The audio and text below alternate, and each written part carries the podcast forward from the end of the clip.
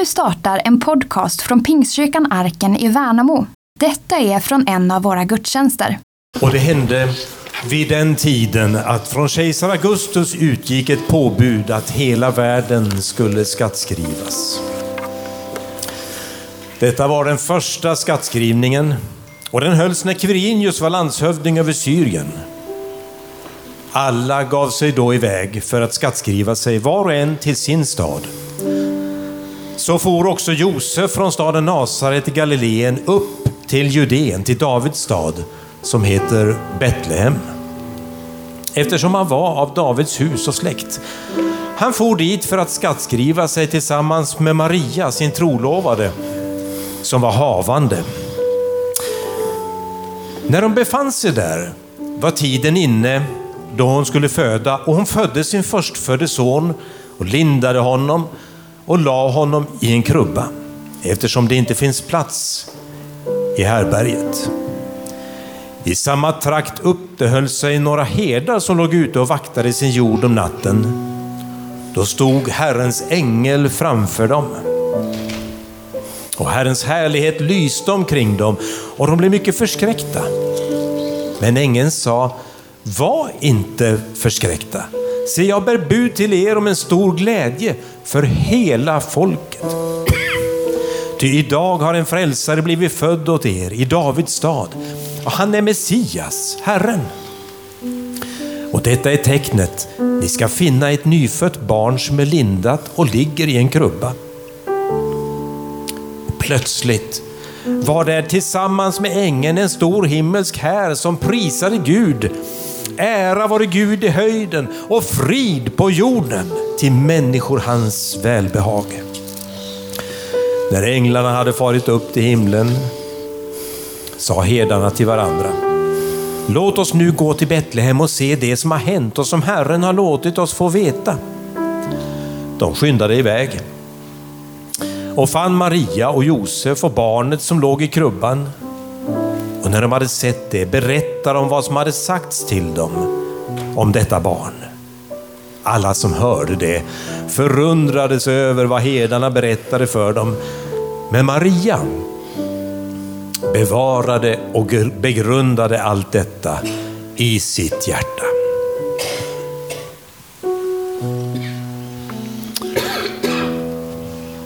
Ja, det var två eh, riktigt trötta vandrare som var på väg till skattskrivningen i Davids stad.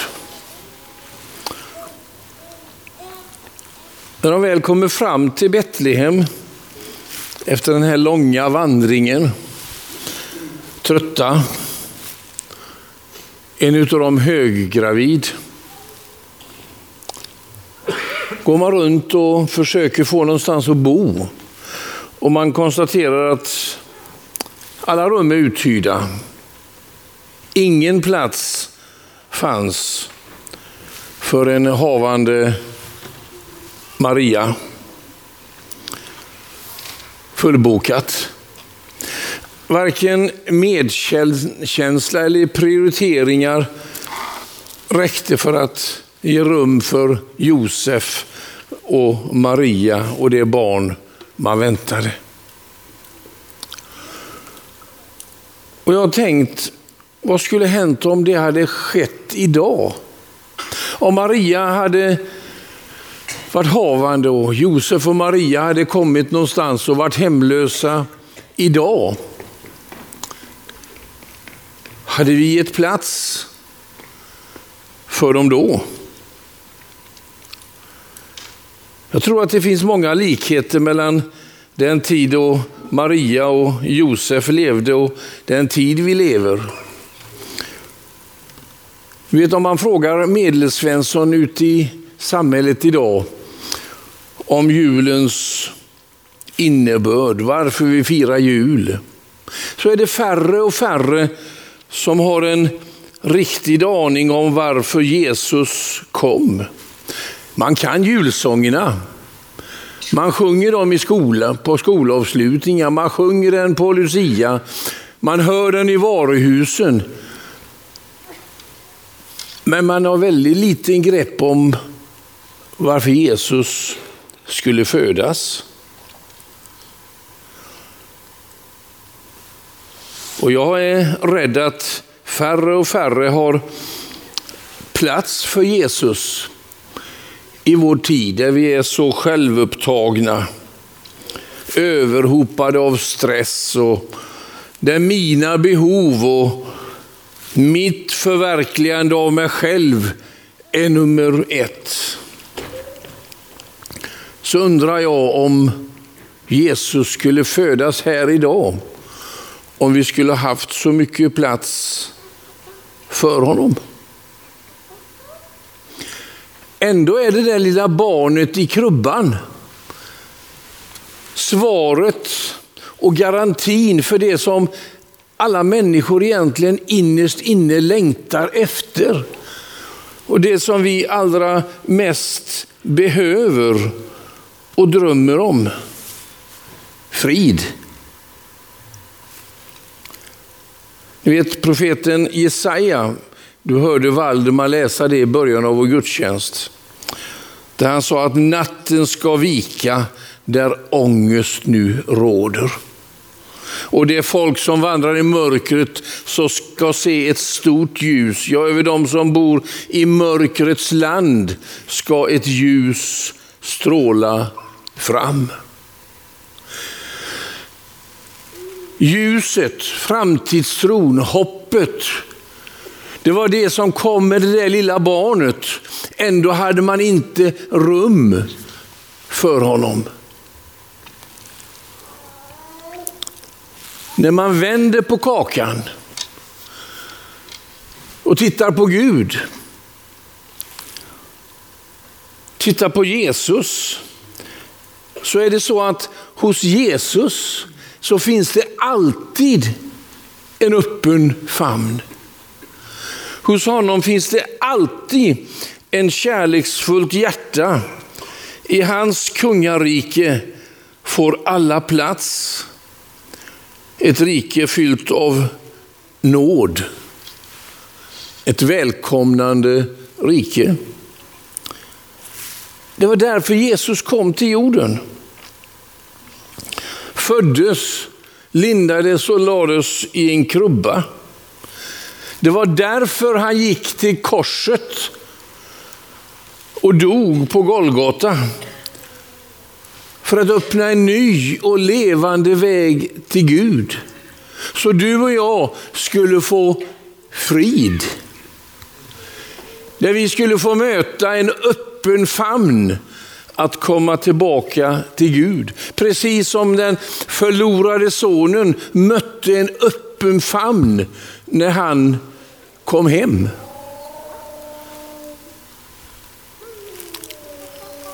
När Jesus eh, inför sin död 32 år senare efter hans födelse och talar om evigheten och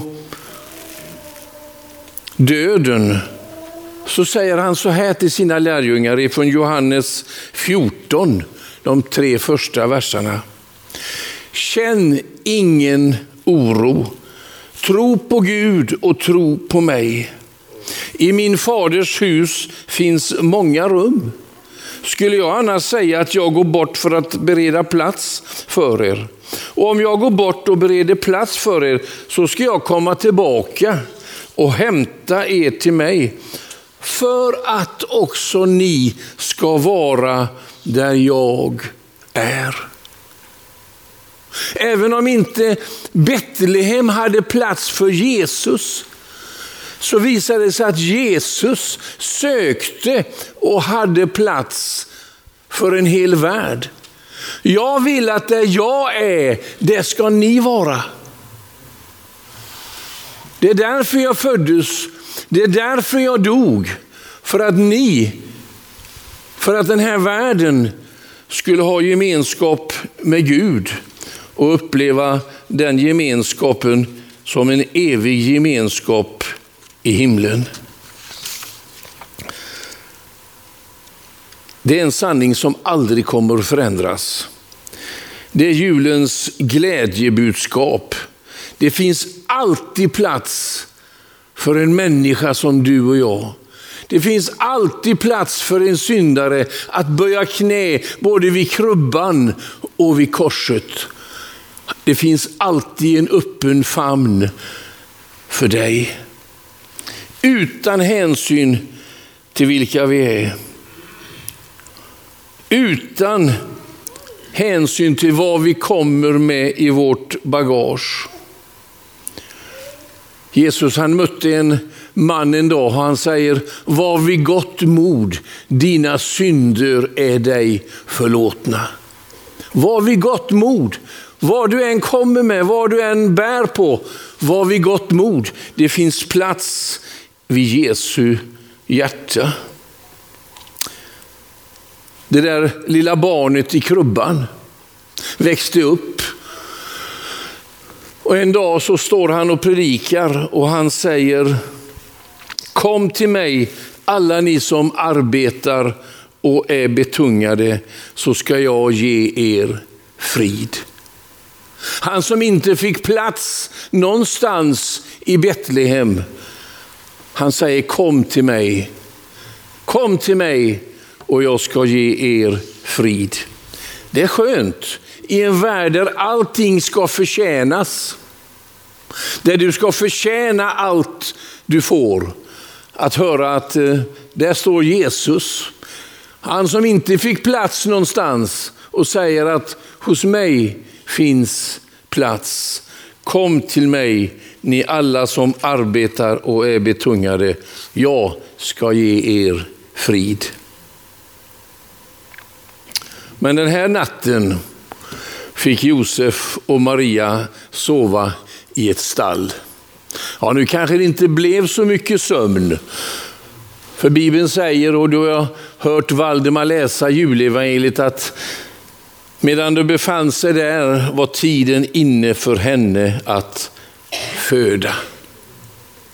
Ingenting av det yttre skvallrade om att eh, de där trötta föräldrarna, den gravida tonårsflickan den natten skulle föda Messias, som hela jorden hade väntat på. Ända sedan Adam och Eva i Edens lustgård vände Gud ryggen och gick miste om Guds härlighet. Messias skulle föra människan tillbaka till Gud och ge människan Guds härlighet tillbaka. Så står det om de där herdarna som låg ute och vaktade sin jord om natten. Det var ingenting hos dem heller som skvallrade om att den natten skulle bli en natt de aldrig skulle glömma. Det var en helt vanlig natt. Men det blev en natt som förändrade allt. Plötsligt står ängeln där och hans budskap är, var inte rädda. Jag bär budskap till er om en stor glädje. Himlen har landat på jorden i ett litet barn som ska bli en glädje för alla folk. Ni vet, jag tror ju att herdarna, de kunde sin bibel. Som alla andra judiska pojkar så hade de fått lära sig stora delar av Bibeln utan till.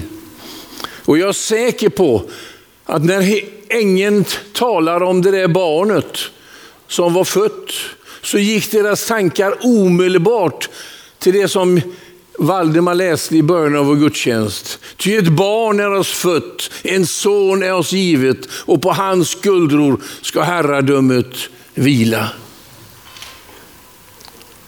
Det står så här. Det folk som vandrar i mörkret ser ett stort ljus. Över dem som bor i mörkrets land strålar ljuset fram. Ty ett barn har fötts, en son är oss given. Väldet är lagt på hans axlar och detta är hans namn. Underbar i råd, väldig Gud, evig fader, fredsförste och kan riktigt känna hur hedarna beger, beger sig in mot, Jerus, in mot Betlehem med någonting brinnande här inne. Att äntligen kanske det ordet som Jesaja sa, det ordet som Mose talade om, det som psalmisterna sjöng om, den, den dag då Messias skulle födas. Tänk, äntligen kanske det är på väg att gå i uppfyllelse. Och de går in i staden och de hittar Josef, de hittar Maria och de hittar ett nyfött barn som låg lindat i en krubba. Men till yttre så var det som alla andra barn. Maria hade inte haft en lättare förlossning än någon annan kvinna som var förstföderska. Josef han vankade säkert omkring lika oroligt som jag gjorde när jag väntade mitt första barn, eller min fru väntade vårt första barn. Och barnet skrek lika mycket som barn brukar skrika. Maria hon tog barnet, hon gned in det med salt som alla andra mödrar gjorde på den tiden för att barnet skulle få en stark hud. Men mitt i den här enkelheten, mitt i det där som var som alla andra dagar, som alla andra födslar, som alla andra första dagen i livet, så var det ändå något speciellt. För när herdarna kommer dit så råder det inget tvivel hos dem att det barnet, det var det barnet som änglarna hade talat om. Det rådde inget tvivel hos dem att det barnet var det som Mose hade talat om. Det som profeten hade profeterat om. Det man hade sjungit om i saltarna. Det barnet var Messias. Det lilla stallet var på något sätt uppfyllt av Guds härlighet. Den härlighet som människan förlorade när man vände Gud ryggen i Edens lustgård. Ni vet, Paulus säger, alla har syndat och gått om miste om härligheten från Gud. Nu fanns den härligheten i ett litet barn. Johannes, han beskriver i sitt evangelium början så här. Ordet blev människa och bodde ibland oss och vi såg hans härlighet. En härlighet som den enda sonen får av sin fader och han var fylld av nåd och sanning. När de vise männen lite senare kommer, man hamnar ju först i Jerusalem, frågar efter det nyfödda konung, konungabarnet i Herodes palats. Men någon öppnade Bibeln för dem. Någon öppnade skrifterna och säger nej, det är inte här, det är Betlehem det ska ske. Och så beger de sig till Betlehem. Och så möter de också Josef, Maria och det lilla barnet. Och det rådde ingen tvivel hos dem heller. Utan man ger, dem sin, man ger det lilla barnet sina gåvor. Guld, rökelse och myrra. För de såg Guds härlighet i det där lilla barnet. Det var lika självklart för dem som det lite senare var för en av Jesu lärjungar, Petrus. När Jesus samtalar med dem, vem säger folk att jag är? Och folk hade en massa åsikter om vem Jesus var. Så frågar Jesus, vem säger ni att jag är? Och Petrus träder fram och han säger, du är Messias, den levande Gudens son. Lika självklart var det alltså både för Petrus, för hedarna, för de vise männen den här natten i Betlehem. Det ett till synes helt vanligt barn hade fötts, men som ägde Guds härlighet. Men det där barnet så började en fantastisk resa. En resa som jag sa skulle ge Gud människan tillbaka. Det var Guds stora uppdrag. Det var Jesus stora uppdrag att ta dig och mig tillbaka till Guds gemenskapen. Det var Guds stora uppdrag att ge dig och mig Guds härlighet tillbaka. Den härlighet vi gick miste om i syndafallet. Det där dramat som började i ett litet stall ledde så småningom till ett kors och till så småningom till en fantastisk uppståndelse ifrån de döda. I det där lilla barnet såg hedarna, såg de vise männen Guds härlighet. Ordet hade blivit kött, Gud hade blivit människa. En helt vanlig människa, men likväl Guds son. Ett barn är oss givet, en son är oss fött och hans namn ska vara underbar i råd, väldig Gud, evig fader och fredsförste.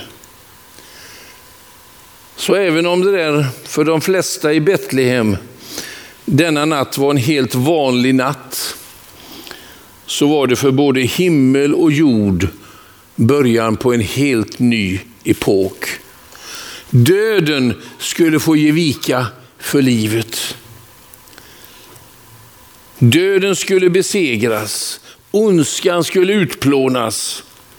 Gud skulle få människan tillbaka och vi skulle få Guds härlighet tillbaka. Barnet, det var ett helt vanligt barn, men ändå var det Gud. Underbar i råd, väldig Gud, evig fader, fredsförste. Och jag är så glad att säga att du kan få ha gemenskap med Jesus idag. Du kan genom Jesus få Guds härlighet tillbaka. Du kan genom Guds son få frid med Gud. Jesus, jag tackar dig för att du lät dig födas. Jag tackar dig för att du kom du kom för att vandra här på jorden. Du kom för att eh, gå lidandets väg till Golgata. Och du kom för att uppstå för min rättfärdiggörelses skull. Jesus, tack att i dig där fanns Guds härlighet. Och tack att i tron på dig, av nåd, så får vi syndernas förlåtelse. Av nåd får vi uppleva frälsning, av nåd får vi upprättelse i våra liv och av nåd får vi del av Guds härlighet igen. Så Jesus, tack för julen och tack att barnet i krubban blev mannen på korset. Amen. Du har lyssnat till en predikan från Pingstkyrkan Arken i Värnamo. För att komma i kontakt med oss och se vad som händer i vår kyrka kan du gå in på arkenvmo.se